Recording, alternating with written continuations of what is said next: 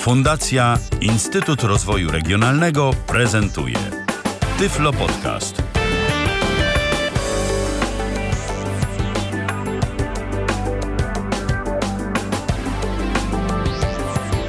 Dzień dobry.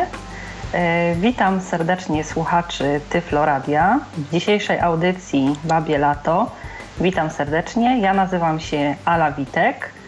E, Jest to pierwsza audycja z nowego cyklu na antenie Tyflo Radia. Tak jak już mówiłam, e, Babie Lato. I e, Będę prowadziła audycję o tematyce społecznej z pogranicza tyflo tematyki i różnego rodzaju zagadnień, które e, są udziałem indywidualnego człowieka i społeczeństwa w sytuacjach codziennych. Będziemy rozmawiać o tym, e, co jest dla nas ważne i istotne e, zarówno w edukacji, w naszej pracy, e, w tym, co dotyczy naszego zdrowia, relacji międzyludzkich.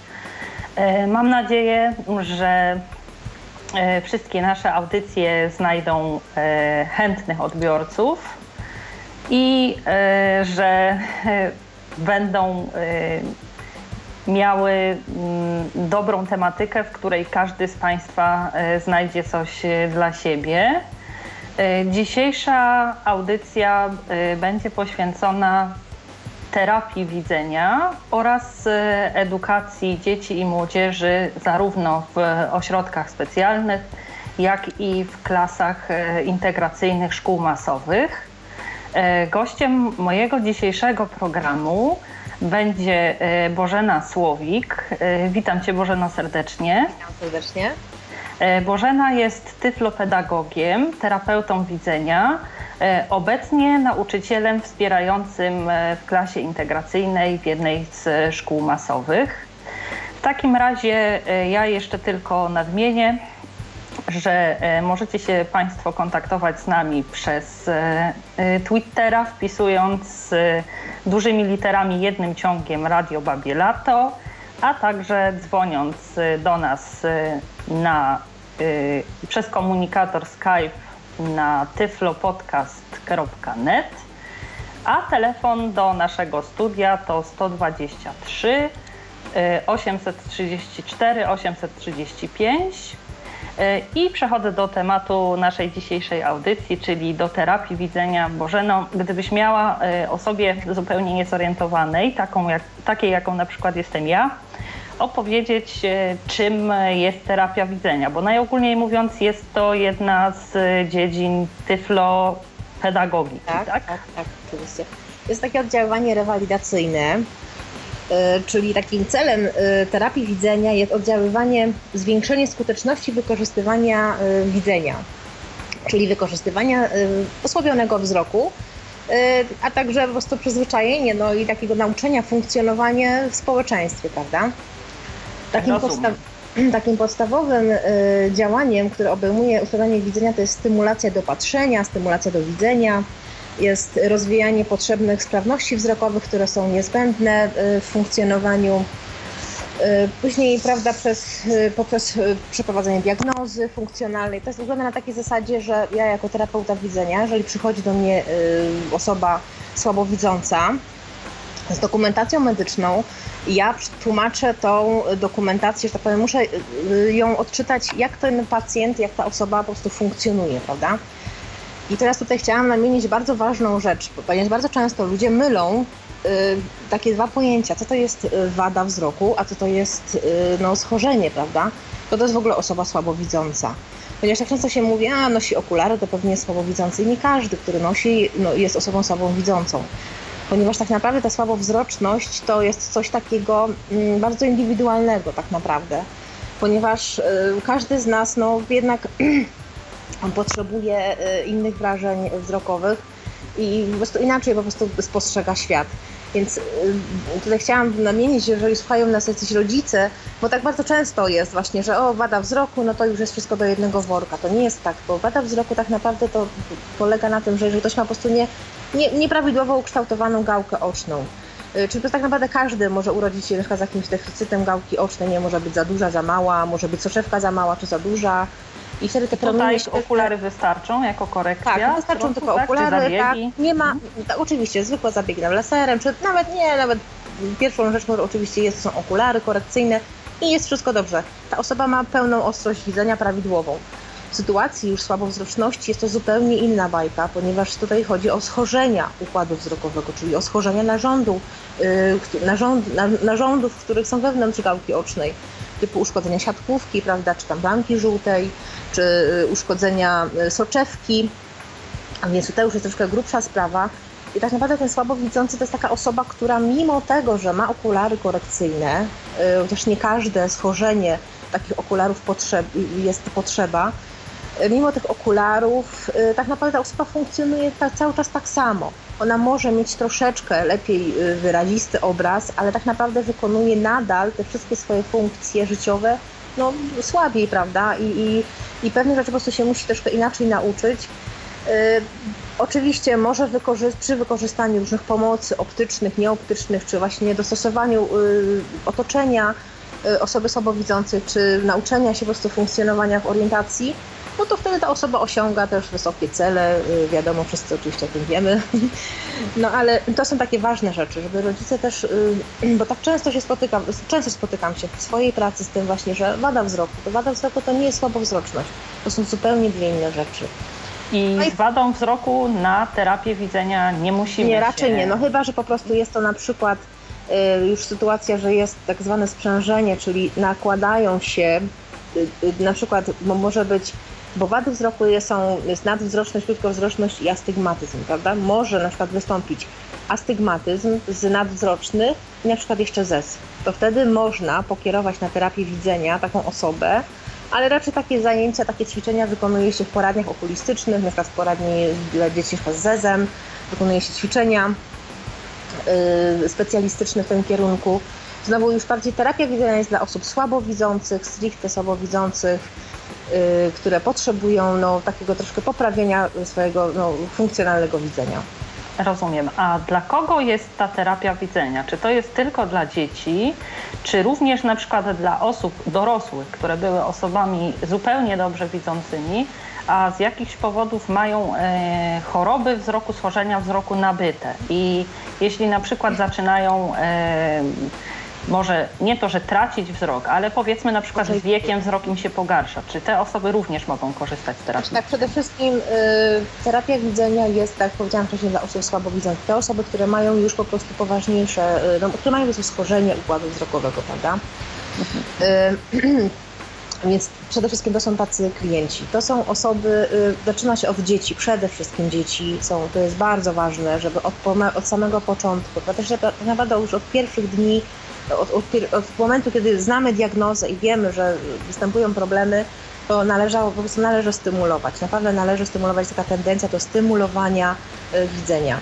Poza Dobrze. tym dzieci szkolne, wszystkie osoby dorosłe jak najbardziej, ponieważ przy w momencie, kiedy nagle ktoś na przykład po jakiejś operacji, czy jakichś innych zabiegach, czy urazach y, dochodzi do, do jakiegoś tam uszkodzenia y, układu wzrokowego, no, no to w tym momencie wiadomo, y, no, do widzenia jest gorsze, Przede wszystkim terapia widzenia ma też takie swoje znaczenie terapeutyczne. Ta osoba, która prowadzi tego typu zajęcia, musi po prostu wzmacniać, prawda? Wzmacniać słabe strony takiej osoby. Więc też na pewno, na, pe na pewno powinna trafić osoba dorosła także. Jest to po jakichś zabiegach, gdzie na przykład mięś mięśnie gałki ocznej są osłabione, są na przykład yy, czy, czy jakichś porażeniach, prawda? Powinny być wykonywane ćwiczenia. Rozumiem. E, to w takim razie jeszcze jedno krótkie pytanie, zanim przejdę do dłuższego. E, kto może być terapeutą wzroku, aby ta terapia była skuteczna? E, czy to jest kwestia, e, nie wiem, kursów jakichś, czy jednak tutaj studia ukończone są gwarancją tego, że nasz terapeuta, ten do którego się zwrócimy, będzie prowadził terapię właściwie, będzie umiał nas należycie zdiagnozować i hmm. przeprowadzić ćwiczenia w taki sposób, aby miało to sens i żeby przynosiło dobre rezultaty. Znaczy tak, przede wszystkim ta, jest, musi być ta osoba, która no, ukończyła, y, wiadomo, studia z zakresu tyflopedagogiki, ponieważ jak wcześniej powiedzieliśmy, że jest to jedna z oddziaływań y, terapeutycznych, rewalidacyjnych y, z tej dziedziny tyflo. Dlatego na pewno y, Raczej nie słyszałam o kursach, raczej jest to kwestia no, studiów wyższych, ponieważ y, liczba godzin, zatem liczba praktyk, które są na, przy szpitalach klinicznych, przy, na, przy poradniach okulistycznych, taka osoba no, musi to przejść, ponieważ my musimy y, y, osoba, która chce być terapeutem widzenia, to nie jest tylko taka zwykła teoria, prawda, przeczytanie wszystkich książek okulistycznych i nauczenia się łacińskich nazw, tylko to jest tak naprawdę troszkę zderzenie się właśnie z tym klinicznym obrazem, a przetłumaczenie to na, no, na nasz język, prawda, na nasze, na, na funkcjonowanie, czyli musi poznać tak naprawdę następstwa funkcjonalnej każdej choroby oczu, każdej, każdego schorzenia układu wzrokowego. I to przygotowują właśnie uczelnie, przede wszystkim uczelnia warszawska, y, Akademia Pedagogiki Specjalnej Marii Grzegorzewskiej, przygotowuje już w ramach studiów dziennych, y, znaczy takich studiów już nawet nie wiem czy na licencjacie, pewnie też y, już obejmują, są zajęcia z, z terapii widzenia lub studia podyplomowe, prawda, które są też rzadkim, kiedy są rzuty, że tak powiem, takich kursów, ale raczej są to studia wyższe, nie kończy się żadnych kursów, ponieważ wiąże się to niestety, są zajęcia z lekarzami z Akademii Medycznej, to są takie studia specjalistyczne. Rozumiem. A w takim razie y, bardzo wydaje mi się ważna i istotna kwestia, y, jakie symptomy powinny zwrócić naszą uwagę w funkcjonowaniu naszego dziecka, żebyśmy y, mogli nabrać podejrzeń, że jakieś braki w widzeniu czy jakieś schorzenia wzroku dziecko ma. Co powinno nas zaniepokoić? Prosiłabym Cię o kilka takich e, przykładów, e, które po prostu no, powinny nas nakłonić do udania się do okulisty, czy mm, zasięg zasięgnięcia rady ewentualnie lekarza pediatry w przypadku dziecka. Znaczy tak, pierwsze co, ważne, jak dziecko się rodzi, to tak naprawdę no wiadomo, każdy z nas nie widzi od razu dobrze ostro, nie ma ostrego obrazu prawidłowego. Dopiero tak po 6 tygodniach y, zaczyna dziecko się uśmiechać, zaczyna reagować na bodźce. I w momencie, kiedy rodzic zauważa, że mimo y, jakiegoś bliskiego kontaktu y, z dzieckiem, wzrokowym, bliskim kontaktem wzrokowym z dzieckiem, nie ma reakcji na bodziec, czyli nie ma żadnego kaprysu twarzy, nie ma uśmiechu. Praktycznie czasem jest tak, że mówi się tak, tak często, że wzrok jest taki błędny, że gdzieś tam ucieka. Często przy takim właśnie wpatrywaniu się w jeden punkt, Tutaj już, już bym sugerowała, y, że trzeba po prostu skonsultować.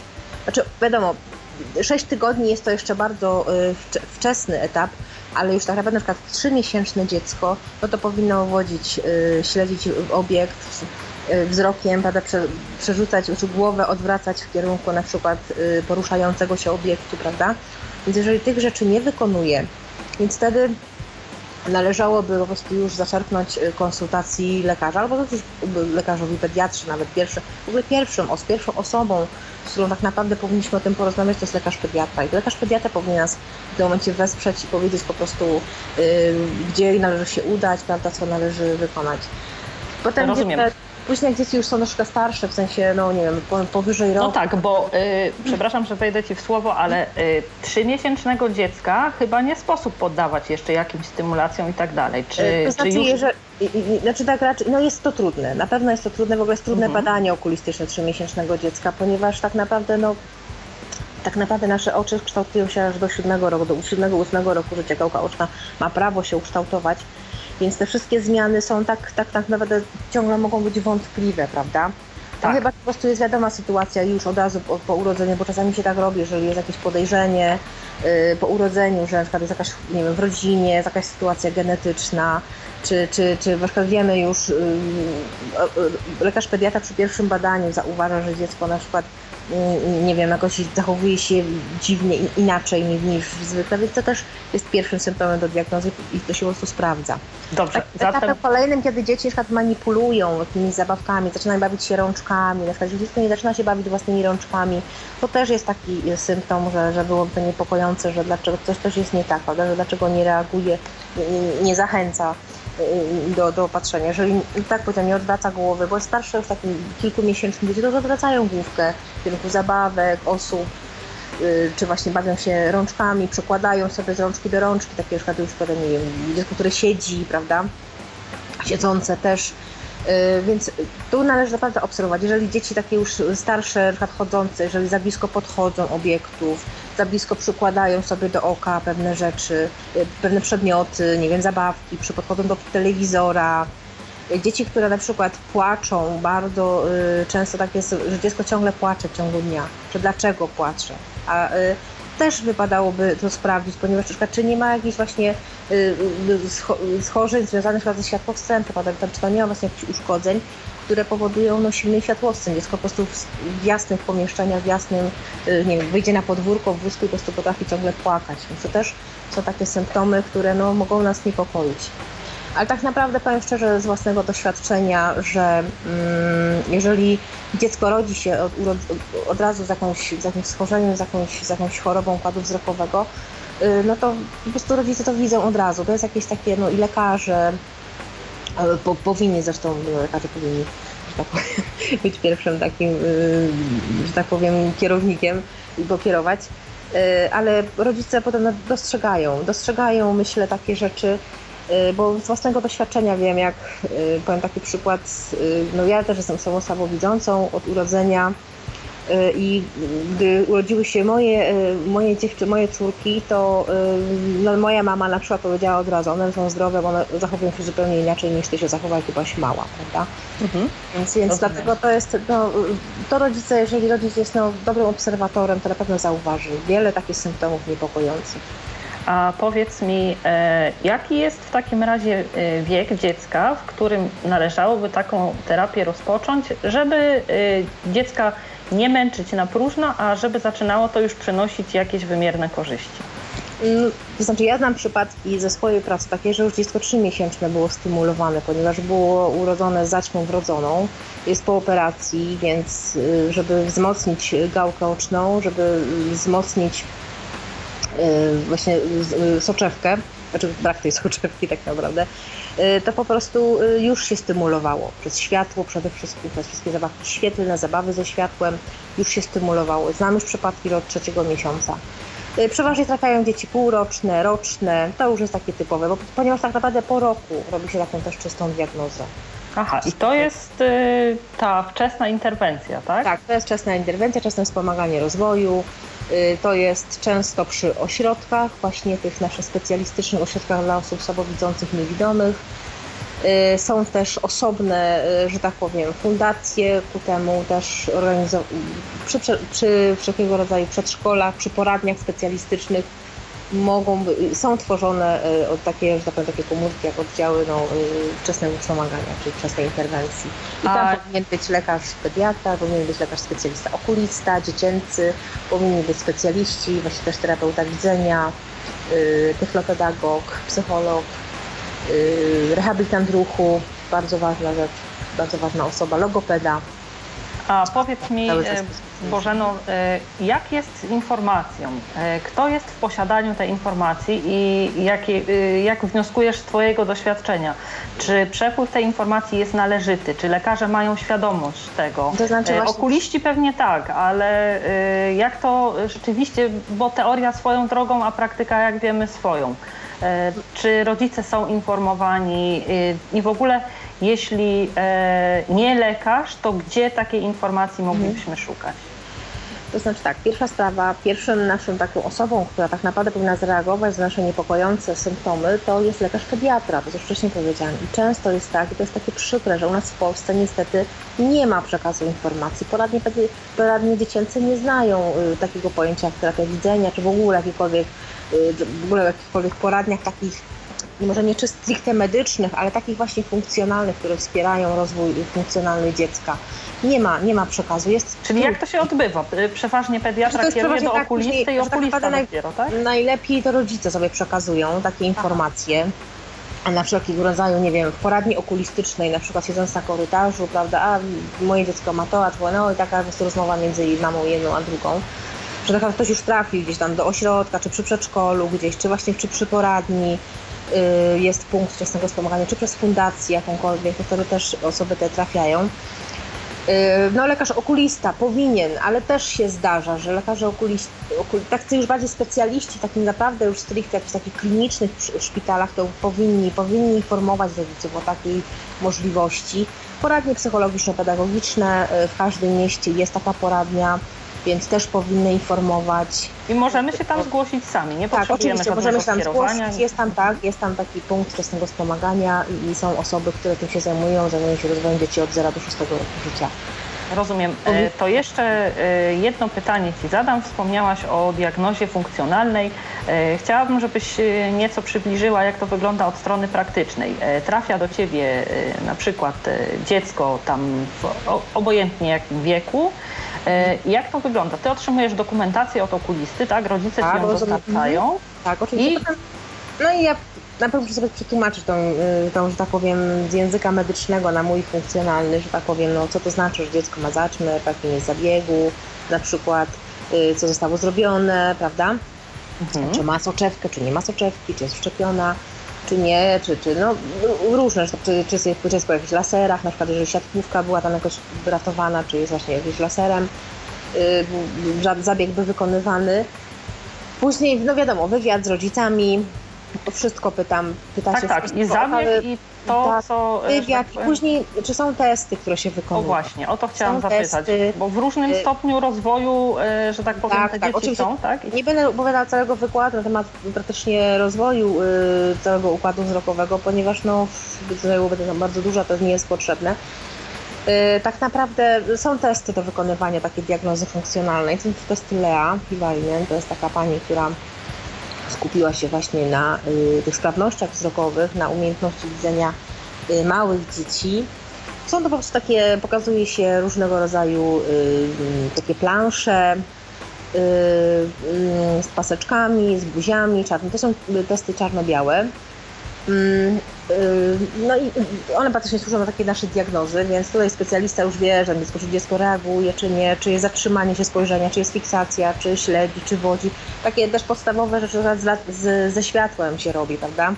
Czy jest reakcja źrenic, chociaż nie zawsze reakcja źrenic jest, że tak powiem, yy, sygnałem, którym mogę powiedzieć, że jest w porządku, jest reakcja na bodziec. To nie jest, to jest błędna rzecz, ponieważ może być tak naprawdę reakcja na jest też przy osoby, które na nie ma w ogóle widzenia, a, a taka reakcja może, może nastąpić.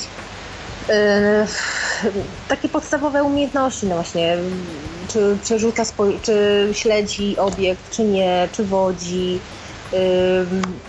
takie, takie pierwsze operacje się wykonuje. Najpierw ze światełkiem, później właśnie te testy, jeżeli dziecko już siedzi, wiadomo, robi się to, wszelkie działania we wczesnym wspomaganiu robi się zawsze w obecności rodziców. Zawsze rodzice powinni być, przy tym widzieć, jak to się wszystko wykonuje.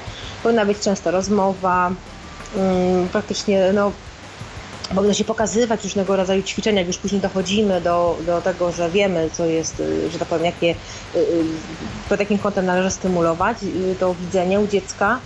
Więc wtedy pokazujemy rodzicom, jak na przykład przygotować Tak, tak. O tym e, będę chciała jeszcze szerzej, e, że tak powiem, porozmawiać. Czy o tych Więc... testach nie chcę mówić za dużo, ponieważ jest to takie no, dość specjalistyczne. Tak, tak, o testach nie, natomiast Ale, myślę, ale są takie narzędzia do diagnozy. Wykonuje się różne mhm są tablice, są właśnie y, nawet w trójwymiarze jakieś klocki, puzzle, gdzie się po prostu pokazuje. To są takie naprawdę bardzo proste obrazki, bardzo proste kształty, które po prostu dziecko powinno... No, specjalista momencie już wie, kiedy nastąpiło, nie wiem, zatrzymanie spojrzenia, kiedy jak, jak się y, układa na przykład właśnie Yy, jaki jest błysk na w oku, prawda? To są takie specjalistyczne już tutaj badania, ale to terapeuta widzenia wie doskonale, wie jak wygląda prawidłowe, a wie jak może, może, może być na niesymetryczne sam spojrzenie, prawda, czy na uciekające oczko, to specjalista w tym momencie to dostrzega. Rozumiem. E, w takim razie e, po krótkim e, muzycznym przerywniku wrócimy do naszej rozmowy. Ja zapraszam do kontaktu z nami przez Skype na tyflopodcast.net lub pod numerem telefonu 123 834 835. Zapraszam też do zaglądania na nasz Twitter piszemy dużymi literami radio Babie Lato jednym ciągiem. E, do rozmowy z naszym dzisiejszym gościem, tyflopedagogiem Bożeną Słowik wracamy po przerwie. To jest Tyflo Podcast. Pierwszy polski podcast dla niewidomych i słabowidzących.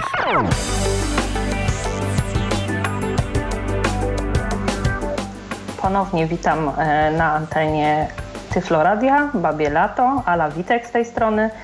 E, ponownie witam też mojego gościa, Bożenę Słowik, tyflopedagoga. E, witam serdecznie, witam ponownie. Tak, więc kontynuujemy naszą bardzo ciekawą opowieść o terapii widzenia. Teraz chciałabym zapytać Ciebie, Bożeno, jak sama terapia wygląda w praktyce? Chciałabym, abyś opowiedziała mi, nieco o tym, e, jak pracujesz Ty z małym pacjentem e, w gabinecie. E, czy to, co Ty zalecasz, Twoje jakieś tam rekomendacje co do pomocy szkolnych i tak dalej, mają przełożenie na pracę dziecka w szkole? I, przepraszam, Ostatnia kwestia to, jak y, rodzice mogą y, zaangażować się w terapię, na ile to się sprawdza i y, jakie tutaj dajesz zalecenia. Mhm. Tak więc może na pierwsze pytanie odpowiem, jak wygląda moja praca. Jest, przede wszystkim jest to praca bardzo, że tak powiem, na, na efekty czeka się bardzo, bardzo długo. Jest to praca mrówcza, bo pracując z małym dzieckiem tak naprawdę nie wiem na ile y, poprzez na przykład, nie wiem, po pół roku czy roku, znaczy, też czasem jest to już widoczne, ale jeżeli to jest taka tendencja niestety, to jest takie przykre, że dzieci słabowidzące rodzą się często z jakimiś dodatkowymi sprzężeniami, z jakimiś zaburzeniami rozwojowymi. I w tym momencie, że nałożą mi się takie dwie sprawy, no to w tym momencie naprawdę czasami trudno jest y, ocenić tak naprawdę, kiedy y, nastąpiła jakakolwiek poprawa. Ale jak wcześniej mówiłam, chodzi o, głównie o stymulację, y, no, stymulację widzenia, prawda? Stymulację patrzenia, stymulację też tych sprawności wzrokowych. Więc zaczynam od różnych zabawek, jeżeli ocenię sobie dziecko, na ile ono widzi, na ile spostrzega bodźce, Przepraszam, że jeszcze hmm? zanim umknie mi, czy jest taki jakiś powiedzmy sposób oceniania tego, że przy widzeniu tak bardzo ograniczonym, jeśli to widzenie jest tak bardzo ograniczone, że to znaczy tak, czy zdarzają się takie sytuacje, że widzenie dziecka jest na tyle ograniczone albo na tyle niewielkie, że terapia widzenia nie przyniesie żadnych rezultatów i właściwie nie warto jej zaczynać? Znaczy ja jestem raczej zwolennikiem, żeby mimo wszystko, jeżeli jest nawet tam minimalne widzenie i jest możliwość, jeżeli dziecko reaguje na bodźce świetlne, Y, żeby, że tak powiem, stymulować, żeby wzmacniać przede wszystkim głównie mięśnie gałki ocznej, prawda, żeby y, też nasze, y, że tak powiem, oczy, nasz, nasz, nasz narząd zachował się też prawidłowo. Dlatego A, z doświadczenia zauważyłam, że często w lekarz okulista napisze mi brak reakcji, prawda? Bo to jest tylko takie chwilowe, ale ja po iluś seansach, po iluś, że tak powiem, E, na przykład e, konsultacji, czy właśnie dzieci przyjeżdżały do mnie do ośrodka i robiło się stymulację światłem, to po pewnym momencie, nie wiem, po iluś tam razach, to po prostu widziałam, że dziecko nagle zatrzymało, prawda, spojrzenie, coś, coś było coś innego. I dla mnie jest to sygnał, że co, jest, jakaś, jest jakaś reakcja. Nie wiem na ile jeszcze jest reakcja, czy ono zauważyło bodziec. Raczej, raczej się tak zdarza, że tak, że wtedy zaczyna, dziecko zatrzymuje wzrok, albo nagle wyciąga rączkę, prawda? Albo y, nie wiem, reaguje jakimś uśmiechem, albo oddechem, albo zachwytem jakimś i, i w tym momencie y, ja jestem zwolennikiem tego, że należy od początku stymulować, jeżeli jest to możliwe i jeżeli te wszystkie kliniczne, y, kliniczne wszystkie zagadnienia są, że tak powiem, rozumiane i, i że można po prostu to stymulować, to należy, naprawdę należy, należy stymulować. E, na czym polega ta moja praca? E, tak jak powiedziałam, na tej całej stymulacji. E, bawię się różnymi światełkami, bawię się gabinet takiego terapeuty widzenia tak naprawdę na pierwszy rzut powinien być jak najmniej bodźców, powinno być wszystko pozakrywane, schowane w szafach, w szafeczkach, niewidoczne. Żeby nie rozpraszało, tak? Żeby nie rozpraszało, tak oczywiście, żeby dziecko nie rozglądało się dookoła i już to wszystkim było zachwycone. Dlatego Najczęściej no, bardzo taką mądrą rzeczą jest do stymulacji wzroku sala doświadczania świata, gdzie tam mamy bardzo dużo świetlnych wrażeń, bardzo dużo różnego rodzaju i fluorescencyjnych, i jakichś lampeczek, światełeczek, jakichś tuneli świetnych i światłowodów, które tak naprawdę możemy nawet takiego małego malucha y, otoczyć takimi światłowodami dookoła, obwiązać go i, i wtedy też y, nagle on dostrzega, że ma ręce, ma nogi, ma nie wiem, brzuszek, praktycznie, prawda? Więc. Aha, bo może się okazać, że dziecko w jednym świetle nie widzi yy, nic albo prawie nic, a w drugim jest w stanie dostrzec tak. nawet szczegóły, tak? Tak, tak, tak. To, te, to też jest taka, no też trudne, u takich maluchów jest to na razie trudne do oceny tak naprawdę. To jest tak potem już w wieku przedszkolnym, prawda? My sobie oceniamy, jak ono funkcjonuje yy, lepiej w świetle, nie wiem, dodatkowym oświetleniem, czy właśnie będzie krzyczało przy dodatkowym, czy będzie potrzebowało mniej oświetlenia. Bo tak naprawdę, co, bardzo ważne, to jest też nie powiedziałam na początku, yy, że na początku ustala się taki indywidualny program. Każde dziecko no, funkcjonuje inaczej, prawda? Więc ja dopasowuję się do potrzeb tego dziecka i do, do możliwości wzrokowych tego dziecka, więc każda pomoc, każda zabawka, każdy bodziec, yy, nie wiem, każde ćwiczenie jest indywidualną sprawą jedno dziecko będzie funkcjonowało już na poziomie, nie wiem, kredki i papieru, a drugi będzie funkcjonował tylko na zasadzie na przykład trójwymiaru, czyli jakichś klocków, które są namacalne, które są, nie wiem, przestrzenne do przenoszenia, do, do, do składania jedno w drugie.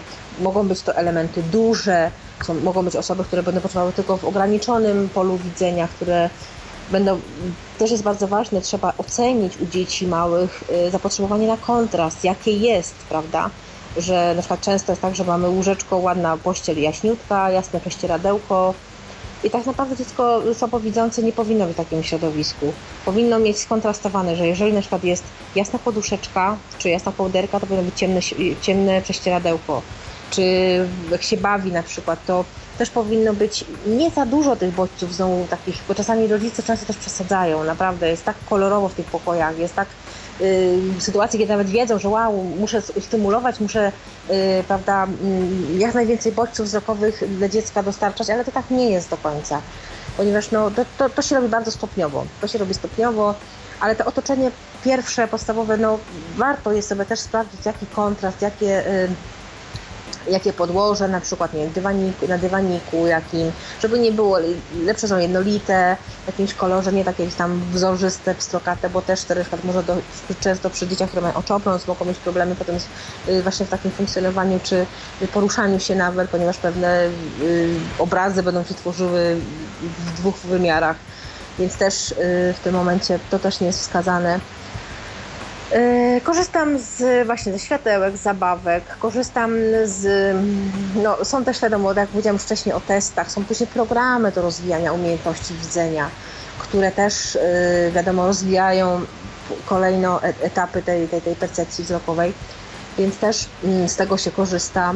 Y, są to różnego rodzaju ćwiczenia grafomotoryczne, to są takie dzieci już bardziej przedszkolnych, prawda, które potrafią utrzymać wszystkie zabawy manipulacyjne, wszystkie y, rozwijające małą, dużą motorykę, wszystkie gniecenia. Ale, ale bardziej szczegółowo e, może poproszę. Te... Znaczy, mała motoryka to są właśnie rączki, prawda? A duża motoryka to już jest poruszanie się nogi. Tak, ale te grafomotoryczne. Grafomotoryczne rzeczy, to są takie rzeczy... To jest rysowanie na przykład? Nie, nie, to nie, to jest grafomotoryka, to jest y, pisanie, rysowanie, to są takie rzeczy, malowanie.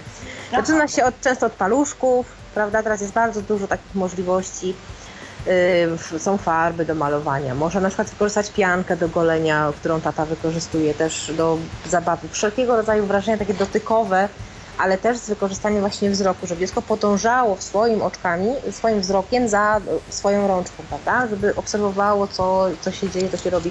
I warto w tym momencie też, jeżeli bawimy się yy, na przykład w jakieś tam mazania, na przykład na jakieś tacy, no to w tym momencie też zwracamy uwagę na kontrast, żeby to, co dziecko wykonuje, żeby było widoczne, żeby widziało, żeby się cieszyło, o, to są moje tam, nie wiem, jakieś tam mazy, prawda, moje szlaczki. Jasna sprawa. E, często to, bardzo to motoryka mała. E, tak, to jest mała motoryka. Tak, duża motoryka to są właśnie już bardziej takie ćwiczenia ruchowe, ćwiczenia y, z podchodzeniem, chodzeniem, y, no już uaktywniamy, uaktywniamy nogi, więc to jest duża motoryka, ale y, chodzi o tą małą motorykę, może bardziej się skupią, bo jest potrzebna bardziej później w przedszkolu, w szkole. i tak dalej. Jeżeli nie ma oczywiście żadnych y, dodatkowych jakichś zaburzeń rozwojowych, prawda, deficytów rozwojowych, to wtedy y, skupiamy się tylko na tej koordynacji wzrokowo-ruchowej, prawda. Y, wszystkie, tak naprawdę, no tak jak powiedziałam, jest to, jest to praca bardzo, no, bardzo mrówcza i, i co powinno się rodzicom zalecać? No rzeczywiście, tak jak powiedziałam wcześniej, na, tak jak we wczesnym wspomaganiu rodzic powinien być obecny przy każdych ćwiczeniach, to są w ogóle ćwiczenia krótkie, to są około 20 minut, dziecko więcej nie da rady ćwiczyć. Później starsze tak, później się to wydłuża ten czas. Na szkole dziecko to wytrzymuje nawet i 40 minut, ale to też, to też jest sprawa bardzo indywidualna tak naprawdę, bo no bo wiadomo też y, w zależności od tego zmęczenia, pora dnia jest bardzo ważna u takich dzieci, y, czy dziecko jest na jakichś lekach, czy nie, czy, y, czy jest w jakiejś chorobie, czy jest po szczepieniu na przykład. To są bardzo ważne też takie y, sytuacje, które też warto, żeby terapeuta o takich rzeczach wiedział i żeby też czasem zapytał rodziców, prawda, w jakiej formie jest dziecko dzisiaj, y, czy przed zajęciami, taka luźna rozmowa. I najlepiej zaczynać wszystkie zajęcia takiej formy jakiejś zabawy i od takich stałych punktów, od powitania się, prawda, od nie wiem, jakichś tam sobie ustalonych znaków, sygnałów, których się witamy, czy powiedzenie Aha, żeby dziecko oswoić tak, i oswoić, żeby czuło się naturalnie tak, tak. bezpiecznie. Ale zawsze powinien być rodzic, zawsze mhm. powinien być rodzic. Inna sprawa później, jeżeli dziecko jest w przedszkolu, czy już y, w, szkole na przykład, ale to już wiadomo, no to już wtedy nie... Angaż, znaczy angażujemy rodziców, tak, nie mówię, że tutaj odstawiamy, tylko bardziej takiej zasadzie konsultacji, prawda, że ja wzywam, poproszę rodziców o spotkanie, i tłumaczę, na czym polega to stworzenie, omawiamy sobie wszystko i potem na przykład proszę o dostosowanie na przykład na przybiórku, czy jeżeli... O właśnie, o to chciałam zapytać. Czy potrzebne jest dodatkowe oświetlenie, to wtedy właśnie. jakie, prawda, jakie, y, z której strony, y, ile tego oświetlenia, Później, czy właśnie jest potrzebne jakieś zachowanie jakiegoś kontrastu, czy są potrzebne pomoce, bo to też terapeuta ustala, czy są potrzebne pomoce optyczne, czy jakieś nieoptyczne, czy takie właśnie ułatwiające widzenie typu Yy, takie folie kolorowe, które się nakłada na obrazki, gdzie na przykład żółtej, żółty kolor wypukla, bardziej wyostrza yy, kolor czarny, na przykład kontury czarnych, yy, są takie obrazki i wtedy kontury tego obrazku są bardziej widoczne, czy tekst na przykład nawet czytany. Czy Aha, czyli przykładamy do białej kartki żółtą folię i wtedy tekst ten czarny jest lepiej tak, widoczny. Jest bardziej, jest bardziej wyrazisty, tak, jest bardziej kontrastowany.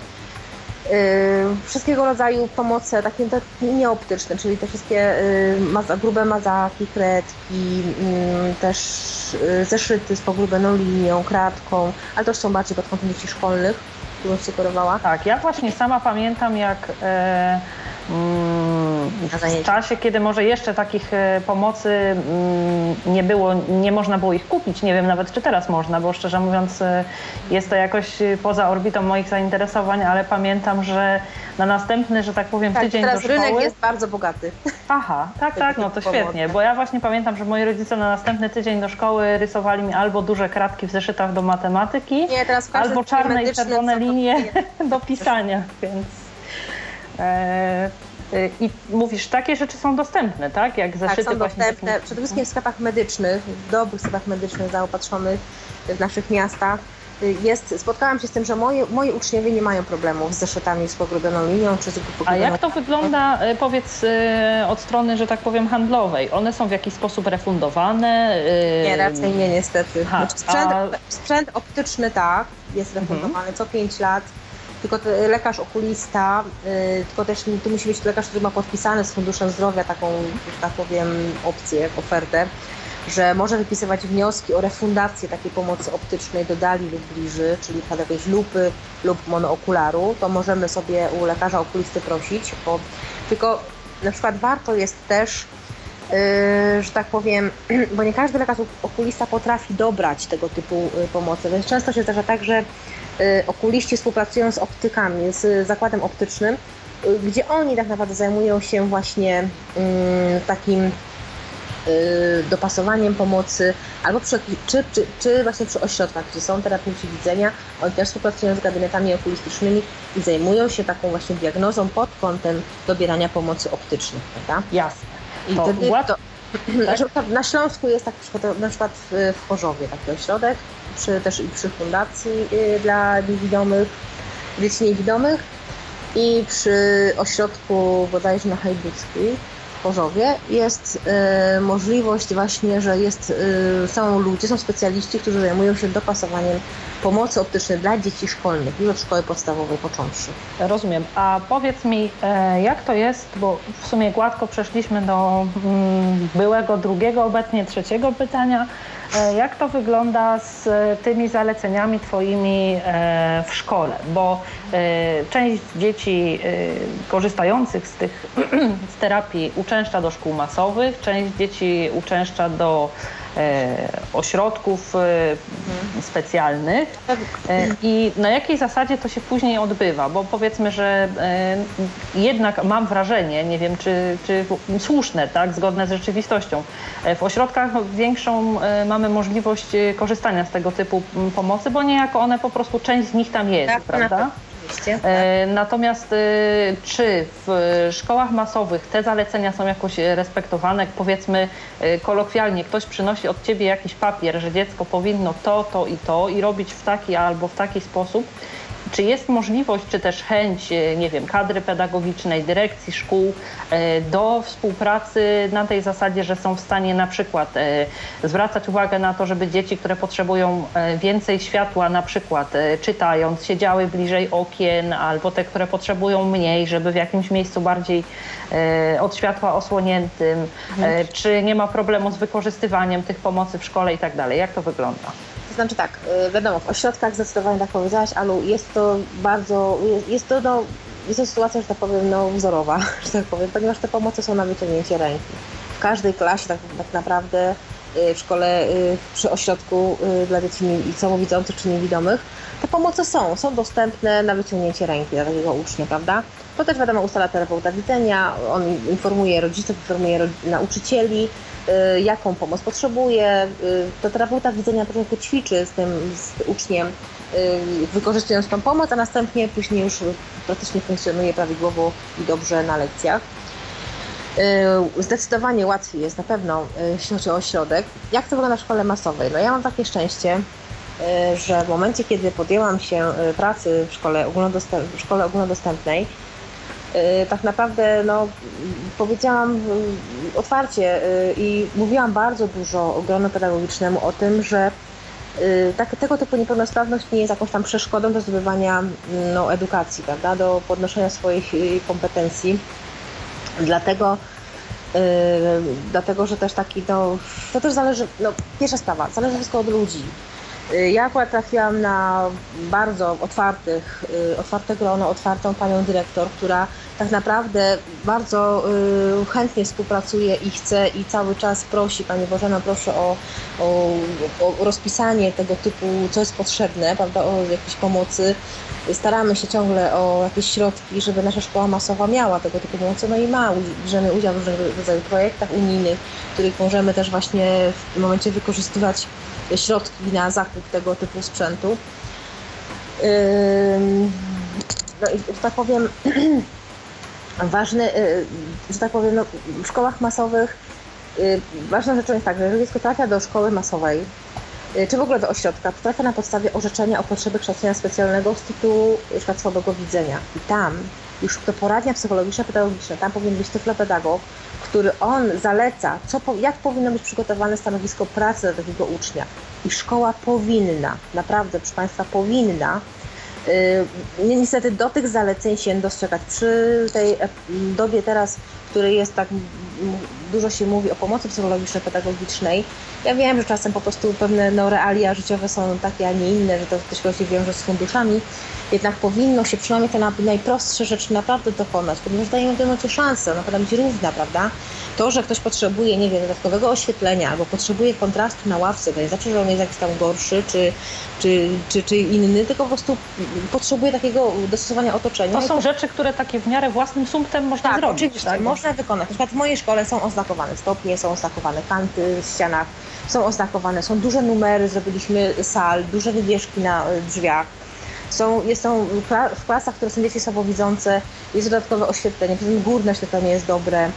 Wiadomo, dzieci siedzą też w ławkach z kontrastem, że na przykład jeżeli dzieci mają pod, no, przy swoim miejscu podkładkę ciemniejszą albo jaśniejszą, to w zależności od indywidualnych potrzeb, tym momencie, że na przykład do oglądania obrazków, a w klasach młodszych często się ogląda jakieś tam obrazki, nie wiem, układa się figury, dzieci się bawią na jakichś patyczkach, matematyce, więc ja na tych kontrastach, na tych, na tych y, podstawkach, na tych y, podkładach to układam. Czy takie proste rzeczy, podstawka pod książkę na przykład, że dziecko nie musi się tak pochylać, to wtedy y, siedzi wyprostowany prawda, i czyta. Czy potrzebuje dodatkowego oświetlenia, ma lampkę na stoliku. To są takie, wydawało się, proste rzeczy, ale są do wykonania. Bardzo ważną rzeczą, którą naprawdę mi się udało i chylę czoła przed moimi nauczycielami, że to, co piszą na tablicy, mówią, ponieważ osoby słabowidzące doskonale wiemy tak, wszyscy. to jest bardzo ważne. To jest, y, wiemy, że mamy, no, jeżeli jest uszkodzony wzrok, więc inne w tym momencie zmysły są bardziej, że tak powiem, rozwinięte i kompensujemy sobie na słuchem y, ten trochę osłabiony nasz wzrok. A poza tym jeszcze dobrą... Y, samo sadzanie bliżej tablicy jakby nie każdemu wystarczy. Nie każdemu, nie każdemu, tak. Ja na przykład w klasie, w mojej klasie akurat oni siedzą, no jeden siedzi w pierwszej ławce, drugi chłopak siedzi w drugiej ławce ale nie ma to tak naprawdę znaczenia, ponieważ mimo, że y, mój uczeń siedzi w pierwszej ławce, tak nie widzi tego, co pani przy tablicy, musi podchodzić, ale ma tą możliwość podchodzenia, ale dlatego, że i tak nie ma nauczyciela wspomagającego na lekcji, więc o tyle jest dobrze, że ja mu piszę na, na przykład na takiej tabliczce, takiej zwykłej tablicy ścieralnej, takiej mniejszej, albo na kartce papieru piszę mazakiem, co to jest na tablicy, ale teraz doszliśmy już do takiej wprawy, że praktycznie no, chłopiec, uczeń sobie wszystko zapamiętuje, to co po prostu nauczyciel pisze. Aha, I ma naprawdę, i ma tempo niezłe. Powiedziałabym nawet nie lepsze niż osoby no, widzące, zdrowe, które są na zewnątrz. Czyli nauczyciel mówi, uczeń zapamiętuje i przepisuje z pamięci, tak? tak? Tak, ale to, jest, ale to jest bardzo ważne, ten, żeby nauczyciele się tego też nauczyli, bo często jest tak, że nie mówią, nauczyciele szkołach masowych, no praktycznie no, nie, nie, nie będziemy takiej potrzeby, prawda? Ale jest, to, ale jest to też wygodne dla wszystkich dzieci, bo nie każdy praktycznie jest wzrokowcem, niektórzy są słuchowcami, więc zapamiętuje pewne rzeczy słuchem, więc w tym momencie też yy, no to jest nie tylko ułatwienie dla osoby słabowidzącej, ale także dla całej reszty, wydaje mi się. Na pewno trudniej jest o takie pomoce, o takie dostosowanie, o takie przekonanie tak naprawdę społeczności, tam na przykład tak szkolnej czy w przedszkolu, do tego, że ta osoba ma jakieś problemy, prawda? Że pracuje swoim tempem, że nie wiem, potrzebuje wykorzystać jakąś lupę na przykład do czytania, czy jakiejś innej pomocy, czy powiększalnika, czy teraz są takie małe, y, fajne urządzenia elektroniczne, lupy przenośne i tak dalej, czy powiększalnik właśnie przenośny. Sama korzystam. No. Więc dlatego właśnie mówię, że, że jeżeli takie coś jest, nawet po indywidualnie osoby to prawda mogą mieć dofinansowane i ze środków PFRON-u i tam z właśnie tak te pomocy optyczne z Funduszu Zdrowia, więc moi uczniowie przynoszą do szkoły, ale ja mam ten, ten właśnie znowu plus, że ja mam tę pomoc w szkole. Więc oni jedną mają swoją w domu, a drugą mają w szkole, ta, którą wykorzystujemy. O, to rzeczywiście e, komfortowa sytuacja. Jeszcze krótko, e, nim skończymy e, odnośnie terapii widzenia, bo chciałabym jeszcze chwilę porozmawiać z Tobą na temat edukacji. Powiedz mi, czy jest taki moment, kiedy przychodzi do Ciebie dziecko, powiedzmy już w wieku szkolnym, albo osoba praktycznie dorosła, w sensie już z wykształconym narządem wzroku i ty mówisz, że oczywiście po przeprowadzeniu y, testu i po zapoznaniu się z diagnozą lekarską, mhm. że na terapię już jest za późno, że ty po prostu nie pomożesz, bo przyzwyczajenia, nawyki i tak dalej są już tak, y, że tak powiem, zakorzenione, że y, terapią trudno cokolwiek w widzeniu poprawić.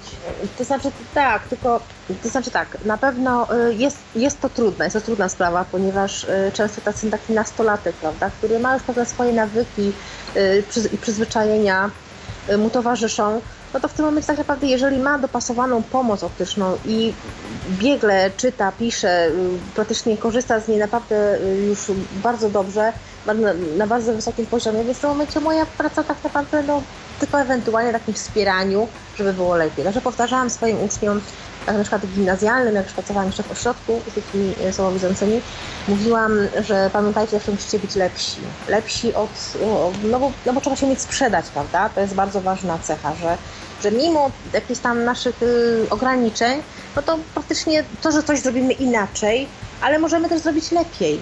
Dlatego y, tutaj pod tym kątem jest takie może warte y, wspieranie. No i takie też, żeby się nie wstydziły, nie wstyd, młodzież się nie wstydziła wyciągania tego typu urządzeń. Teraz technologia naprawdę komputerowa jest tak y, już wysoko, że tak powiem, wyspecjalizowana i tyle jest tych różnych urządzeń i rynek jest bogaty w tego typu pomocy. Tylko no wiadomo, zawsze jest problem z dofinansowaniem, wiadomo, z tymi funduszami, z nakładem finansowym na te rzeczy. Ale tak naprawdę, jak powiedziałaś, Alu, że tak naprawdę, znaczy nigdy nie mówię nie, zawsze zapraszam, jak pracowałam na przykład z dzieciakami, no to tam zawsze tak tam, nie wiem, ich we dwóch, trzech, bo praktycznie bo to jest takie wyższe sprawności wzrokowe, to ta, pamięć wzrokowa, prawda, y, uwaga wzrokowa, koncentracja, to są takie już troszkę inne ćwiczenia, które tak naprawdę no, też są potrzebne, a y, często troszkę zaniedbane. Tak, rozumiem. Mhm. Dobrze, w takim razie y, po przerywniku muzycznym y, zajmiemy się edukacją w ośrodkach specjalny, y, specjalnych i szkołach ogólnodostępnych. Ja przypominam, że mogą Państwo zadawać pytania naszemu gościowi przez komunikator Skype na tyflopodcast.net, piszemy tyflopodcast.net, także pod numerem telefonu 123 834 835. E, My wracamy za chwilę. Dziękuję. To jest Tyflo Podcast.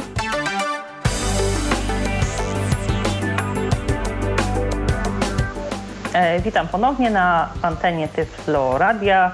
Ala Witek wraz z moim dzisiejszym gościem Bożeną Słowik, tyflopedagogiem. Rozmawiamy o zagadnieniach e, tyflopedagogicznych e, z zakresu terapii widzenia. Teraz chciałabym, żebyśmy porozmawiały chwilkę o edukacji e, w kontekście uczenia się dzieci w szkołach ogólnodostępnych, w klasach integracyjnych z nauczycielem wspomagającym oraz uczęszcza, uczęszczaniem e, dzieci do ośrodków e, specjalnych. E, I na początek chciałabym, żebyś odpowiedziała mi mm, na takie pytanie, kto powinien zdecydować, kierować i jakimi kryteriami oceny kierują się osoby mm, w poradniach czy też lekarze, jeśli y, zalecają pierwsze czy drugie rozwiązanie y, rodzicom. Tutaj też właśnie oczywiście nawiążę do indywidualnych sytuacji. Znaczy tendencja jest taka już teraz, ponieważ kiedyś nie było możliwości tak naprawdę nauczania dzieci y, słabowidzących czy nawet niewidomych w szkołach ogólnodostępnych, prawda? Znaczy zdarzały się naprawdę i chylę czoła przed takimi osobami. Ale y, no jest, był taki temat tabu, wiadomo, od razu było takie przysz- przyszufladkowanie, że trzeba do ośrodka, bo tam tylko się na tym znają i, i tak dalej. Y, Teraz troszkę to już się wszystko zmienia, ponieważ bardzo modne jest y, nauczanie włączające, czyli że dziecko w swoim naturalnym środowisku może praktycznie no, kontynuować swoją edukację, prawda? może się rozwijać, może zdobywać wykształcenie. Kto kieruje? Tak już wcześniej powiedziałam, bo tam przy którymś rozmowie jakiejś mówiłam o poradni psychologiczno-pedagogicznej w mieście, więc y, tutaj prawda, poradnia ma y, swoje, że tak powiem, no, y, pole, że tak powiem, skierowania i nakierowania rodziców. Też przedszkola, mm, które prowadzą właśnie punkty czasowego wspomagania, czy nawet dziecko, które jest w przedszkolu masowym, a następnie teraz rodzice stoją przed y, problemem, y, czy zdecydować się na nauczanie dziecka w szkole ogólnodostępnej, czy w ośrodku specjalistycznym, ośrodku specjalnym dla dzieci niewidomych, słabowidzących. Tak naprawdę powiem Państwu, że mm, no, jest to trudny dylemat. Wydaje mi się, że jest to trudny, ponieważ przy y, na pewno każde działanie na dobro rzecz dziecka no, jest dobre, jest dobre. Tylko teraz to wszystko zależy właśnie od ludzi, od tej stymulacji, przede wszystkim też w domu, czyli jakie jest zaangażowanie rodziców, czy te- ten rodzic, czy dzieci będą mogły liczyć na, na, na, na, na rodziców tak naprawdę w 100% y, w kwestii takiej, tym, szczególnie w tym starcie, tym na samym początku, prawda? Bo często też zdarza się tak w rozmowach, y, że rodzice od razu mówią, że nie, nie damy rady, nie, nie podejmujemy się y, tego typu działaniach, że nie, nie, nie podejmujemy się, y, żeby dziecko poszło do nas do szkoły masowej na terenie naszego miasta czy naszego osiedla, ponieważ no, my nie damy rady, nie mamy czasu na to, prawda, lepiej, że w ośrodku, ponieważ tam są specjaliści.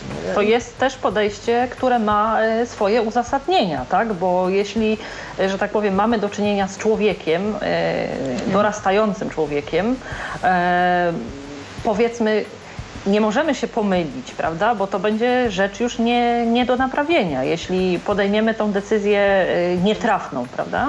Znaczy ja uważam, że co, za czym ośrodek plusem, jakim jest Tak, tak.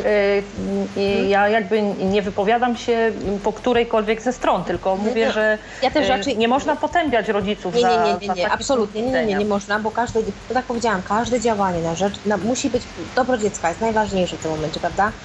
Jeżeli, jeżeli rodzice trafią na szkołę ogólnodostępną, czy właśnie integracyjną, w której jest technopedagog, w której jest y, możliwość, w której jest y, nauczyciel specjalista, wystarczy tak naprawdę, naprawdę jeden nauczyciel, który to pociągnie, który będzie miał na tyle siły w sobie i takiego siły przebicia, że to dziecko naprawdę y, będzie osiągało na pewno jakieś tam swoje cele, no to wtedy wiadomo, decyduje się taki rodzic na szkołę masową.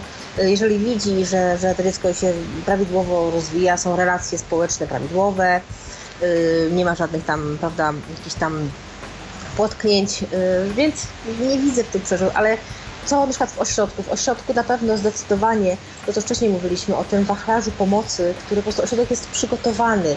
Ten start życiowy, tak naprawdę osoba słabowidząca, no ma mm, na pewno dużo lepszy, zdecydowanie bym powiedziała. Y, jedyną tylko taki no, minus to, to, to, to, to, co się zawsze mówię, to naturalne w środowisku, prawda? Jednak te emocjonalne, te więzi rodzinne później też y, jakoś troszkę się zaciera przez to, że to dziecko napatycznie, jeżeli jest możliwość, że może być dowożone do domu, mieszka w domu z rodzicami, jest dowożone, już teraz są takie możliwości, y, że jest dowożone przez miasto do danego ośrodka, no to wtedy no, to też to jest naprawdę sprawa indywidualna. Więc tak trudno y, mówić, y, y, sugerować rodzicom. Jest to trudne, bardzo trudne. Są rodzice od razu zdecydowani, że chcą w ośrodku, tak, nie widzimy innego rozwiązania, chcemy, to jest nasza decyzja, a są rodzice, którzy chcą szkolnictwo ogólnodostępnym, nie wyobrażają sobie dziecka, że już kiedyś tam było, nie wiem, czy w internacie, czy właśnie długo dowożone, bo te dowozy też wiadomo, trwają. trwają, tak, to, to jest okres, mm, czasem dziecko musi stać, wyjechać już o 6 rano do, ze swojego miasta, żeby dojechać na 8 rano do szkoły, prawda? No jasne. Do, do ośrodka. Dlatego... E, mocną stroną też e, szkół, e, szkół tych ogólnodostępnych z nauczycielem wspierającym jest to, że wydaje mi się, że dziecko niejako funkcjonując w domu Oczywiście przypuszczam, że piłeczka jest po stronie rodziców. E, na zasadzie tego, na ile e, oni potrafią temu dziecku stawiać jakieś wymagania, bo e, wszyscy wiemy, że są sytuacje takie, które oczywiście też wynikają z jak najlepszej woli rodziców i pewnie może po części z nieświadomości, że są sytuacje takie, kiedy rodzice dziecko we wszystkim wyręczają. Wyręczają rodzice, wyręcza rodzeństwo, wyręcza babcia, dziadek i y, prowadzi to do takiej sytuacji, kiedy y, nie ma y, tej, tej samodzielności, tego funkcjonowania, ale jak wydaje mi się w prawidłowo funkcjonującym domu, przy właściwych relacjach z rodzicami, rodzeństwem i tak to, dalej. Co, jest I... bardzo ważne, przepraszam za przerwę, jeżeli dziecko trafia do szkoły, tak jak w moim przypadku, ja pracuję w szkole, w szkole gdzie są klasy integracyjne.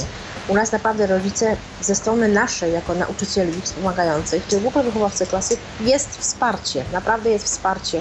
Tak, tak, ale... Grupę, grupę wsparcia na przykład dla rodziców dzieci niepełnosprawnych, dlatego, żeby tak pomóc tym rodzicom odnaleźć się w tej sytuacji i też właśnie zwrócić uwagę przede wszystkim na to, że nie nie wyręczać, nie wyręczać, żeby nie traktować tak, tak naprawdę naturalnie, normalnie, prawda? Tak Właśnie, chodzi mi o tą naturalność, dzięki której e, dzieci e, nabywają właściwych nawyków. Dlatego, że e, z kolei e, takim dużym e, w moim odczuciu minusem ośrodków jest e, coś takiego, że jest jakby swego rodzaju taki schemat funkcjonowania, tak?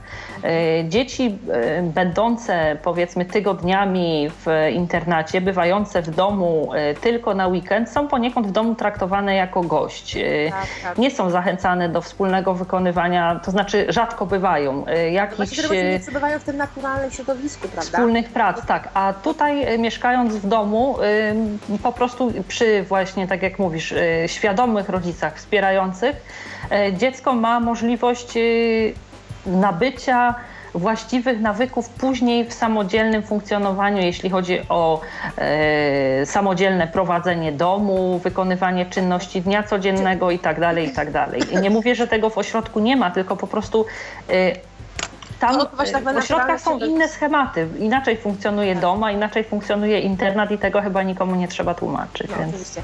To znaczy ja jeszcze powiem z takiego mojego doświadczenia, z mojej pracy zawodowej, w której pracuję, to czy to jest bardzo ważne, czego doświadczyłam że tak naprawdę często i też rodzicom staram się przez te wszystkie spotkania, przez te wszystkie rozmowy pokazać obraz ich, dziec, y, ich dziecka faktycznie, prawda, niepełnosprawnego, no bo jest to swego rodzaju niepełnosprawność, żeby nie patrzeć przez niepełnosprawność, tylko patrzeć przez takie normalne, normalne dziecko, które ma takie same potrzeby, y, ma troszkę, no wiadomo, inne możliwości, ale w kwestii takiej, żeby, bo ja na przykład y, jako pedagog specjalny, jako tyflopedagog, nigdy nie patrzę na swoich uczniów z pozycji jako niepełnosprawnych. I to na przykład na pewno jest w ośrodkach. Na pewno, ponieważ tam są wszyscy, że powiem, przygotowani i tam patrzy się przez możliwości. Jakie on ma możliwości i teraz ja wzmacniam to, prawda? A tak. w szkole ogólnodostępnej dzieci y, przebywają w środowisku takim naturalnym, y, co też akurat ma plus, że na, na, y, uczą się takich prawidłowych zachowań, żyją no w tym środowisku takim rzeczywistym, takim jakim jest, prawda, wśród swoich y, rówieśników. Tak, tak, to właśnie Nabywają na myśli, takich mówiąc... wzorców prawidłowych, prawidłowych zachowania, y, prawidłowych, nie wiem, mówienia nawet czasem. Więc, więc tu na pewno mm, to jest ważne, ale przede wszystkim trzeba naprawdę w szkołach masowych Y, w szkołach ogólnodostępnych trzeba czegoś takiego nauczyć właśnie, żeby nie patrzeć na osobę, która ma orzeczenie o, o potrzebie kształcenia specjalnego z pozycji osoby niepełnosprawnej. Nie patrzeć, on jest niepełnosprawny, traktuje go inaczej. Nie, traktuje go tak samo. Tak samo wpisuje uwagę, tak samo wiadomo przy ocenianiu zwraca się uwagę bardziej na y, jaki wkład został włożony, jaki wysiłek, Y, jakie są te możliwości, prawda? Dostosowujemy pewne, pewne metody pracy, pewne formy, ale tak naprawdę y, ja na przykład moim też stawiam uwagi, nie wiem, skarżę rodzicom, że zachowują się niegrzecznie, że coś tam, więc y, dlatego, że traktuję ich po prostu tak jak każdego innego ucznia, więc tu uważam. Tak naprawdę to jest trudna decyzja, Alu. Na pewno to jest bardzo trudna decyzja. Ja też jestem mamą i, i też, też mam, mam dwie córki, więc w tym momencie y, każda decyzja, czy nie wiem, na jakiekolwiek zajęcia, czy zapisać, czy nie, czy, czy gdzieś tam, nie wiem, jakiś wyjazd zdecydować, to są trudne rzeczy, trudne. Ale ty masz y, ten komfort, że y, twoje panny są y, tak, moje zdrowe są i zdrowe, tak, nie... tak, to jest komfort, bo rzeczywiście trudno jest w sytuacji rodziców, którzy no, mają dzieci niepełnosprawne, na pewno, ale należy ich wspierać, należy wspierać mocno, pokazywać przede wszystkim mocne strony. Ja na przykład zawsze y, na jakichkolwiek, nie wiem, czy szkoleniach, czy konferencjach, czy, czy właśnie nawet pracując ze studentami, to zawsze staram się pokazywać y, tym przyszłym specjalistom, że trzeba wyjść zawsze z pozycji y, tej dobrej, prawda, że trzeba znaleźć, nie można od razu ucznia na przykład jakiekolwiek ma deficyty rozwojowe, czy to nawet nie chodzi o niepełnosprawność, tylko w ogóle jakiekolwiek zaburzenia, że on tylko będzie, nie wiem, za kimś tam, prawda, z niemocą, ale trzeba, znaleźć po prostu jakiś naprawdę dobry punkt, dobrą, dobrą stronę i od tego się zaczyna. I od tego się zaczyna każda rozmowa z rodzicami. Państwa dziecko jest w tym dobre, w tym, tym, tym, tym. Później prawda, można tam sobie przejść między zdaniami po prostu, że z czym trzeba należy popracować, w jaki sposób, co można zrobić, że małymi kroczkami.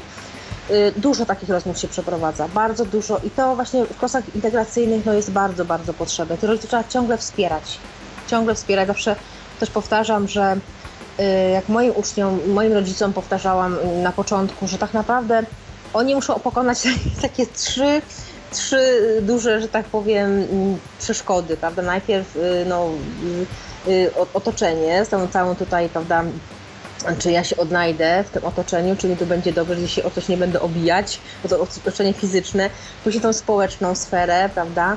No i też rodzice taki strach, taki lęk też muszą pokonać, nie? Ale już praktycznie y, pracuję 3 lata y, w klasie integracyjnej i naprawdę już widzę sukces, y, jestem zadowolona. Teraz wypuszczam tą swoją klasę dalej na dalsze szczeble, na wyższy poziom, że tak powiem, na wyższy szczebel edukacji, wyższe trochę 4-6, więc no zobaczymy, co będzie dalej. Prawda? E, to powiedz mi jeszcze e, króciutko, bo już e, czas nam się kończy. Jak wygląda ta sfera społeczna? Jak wygląda kwestia akceptacji przez dzieci zdrowe tych osób korzystających z, z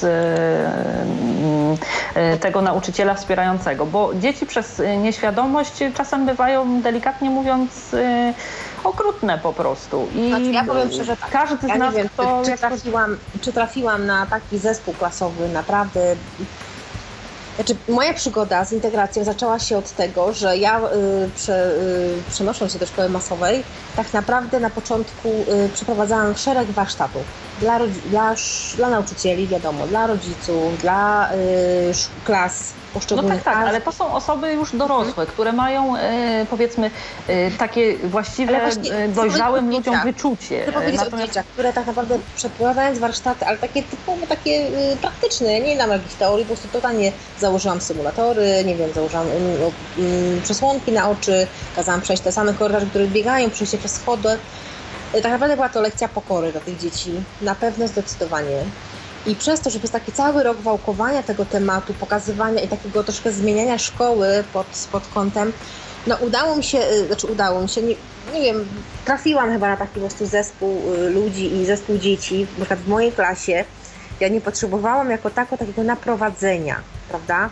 Czasem są takie indywidualne rozmowy, bo też nie z każdym można taką rozmowę przeprowadzić, ja w ogóle wychodzę z założenia, że za dużo się nie tłumaczy. Samo wychodzi. Dzieci, dzieci potrafią same między sobą się tak naprawdę dogadać. Y, bardzo dobrze wychodzi na przykład integracja w przedszkolach. Bardzo mi się podoba. Są przedszkola, które znam, znam przedszkola, które wygląda to bardzo dobrze. Bardzo naturalnie. Dzieci, dzieci same do siebie docierają. Nie widzi, dziecko nie widzi inności. Później ten starszy z wiekiem przychodzi nam takie coś, że zaczynamy dostrzegać, że ktoś jest inny ale jeżeli od początku, że tak powiem, y, ja mm, w klasie, że tak powiem, mam taki, taki no, znaczy wspomagający, jest takim motorem y, pokazywania właśnie tych mocnych stron u tej osoby słabszej, y, mimo wszystko, ale takiego na przykład, taka prosta sytuacja, że moje dzieci nauczyły się, że wiadomo, na przykład dzieci na przykład przy jakiś tam, nie potrafią, na przykład nie wolniej przeczytają coś, tam wolniej coś wykonają, jakieś tam ćwiczenie, ale na przykład pięknie nauczą się recytacji wiersza, prawda? I na przykład wtedy moja klasa nagradza takie dzieci takimi no brawami na przykład, nie? I to jest takie, owszem, pewnie jest to pewnego rodzaju mój motor, mój taki sygnał, że, że, że tak trzeba wzmocnić, ale tak naturalnie dzieci wchodzą w to tak naprawdę. No ja tak mam szczęście, trafiłam naprawdę fantastyczny zespół klasowy. Ja myślę, że to zespół klasowy ma dzieci. ogromne szczęście, że trafił na tak zaangażowaną świetnie wykwalifikowaną osobę e, jak ty, mogącą mm, współpracować i z dziećmi zdrowymi, i z e, dziećmi z e, upośledzeniem wzroku.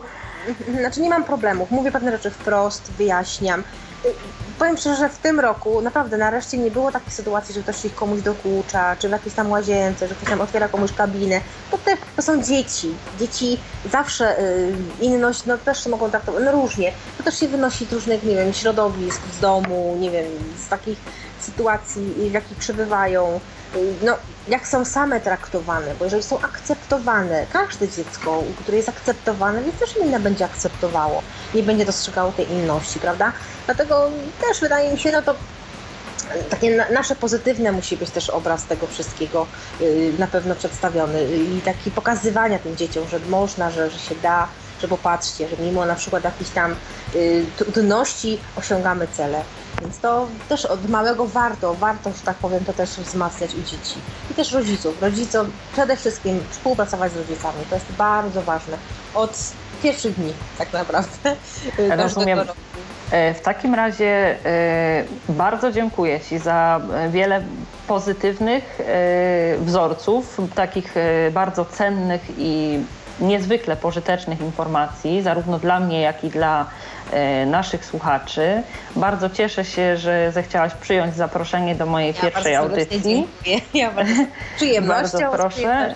E, życzę Ci sukcesów na wszystkich polach, nie tylko tych zawodowych, a y, Państwa zapraszam do wysłuchania mojej następnej audycji w czwartek za dwa tygodnie. Jeśli dobrze kojarzę, to jest 23 maj. Y, takim razie dziękuję już za uwagę. Było mi miło gościć Bożenę Słowik, tyflopedagoga y, w mojej audycji. Y, państwu życzę y, przyjemnego wieczoru i spotykamy się za dwa tygodnie. Kłaniam się, Ala Witek. Był to Tyflo Podcast. Pierwszy polski podcast dla niewidomych i słabowidzących. Program współfinansowany ze środków Państwowego Funduszu Rehabilitacji Osób Niepełnosprawnych.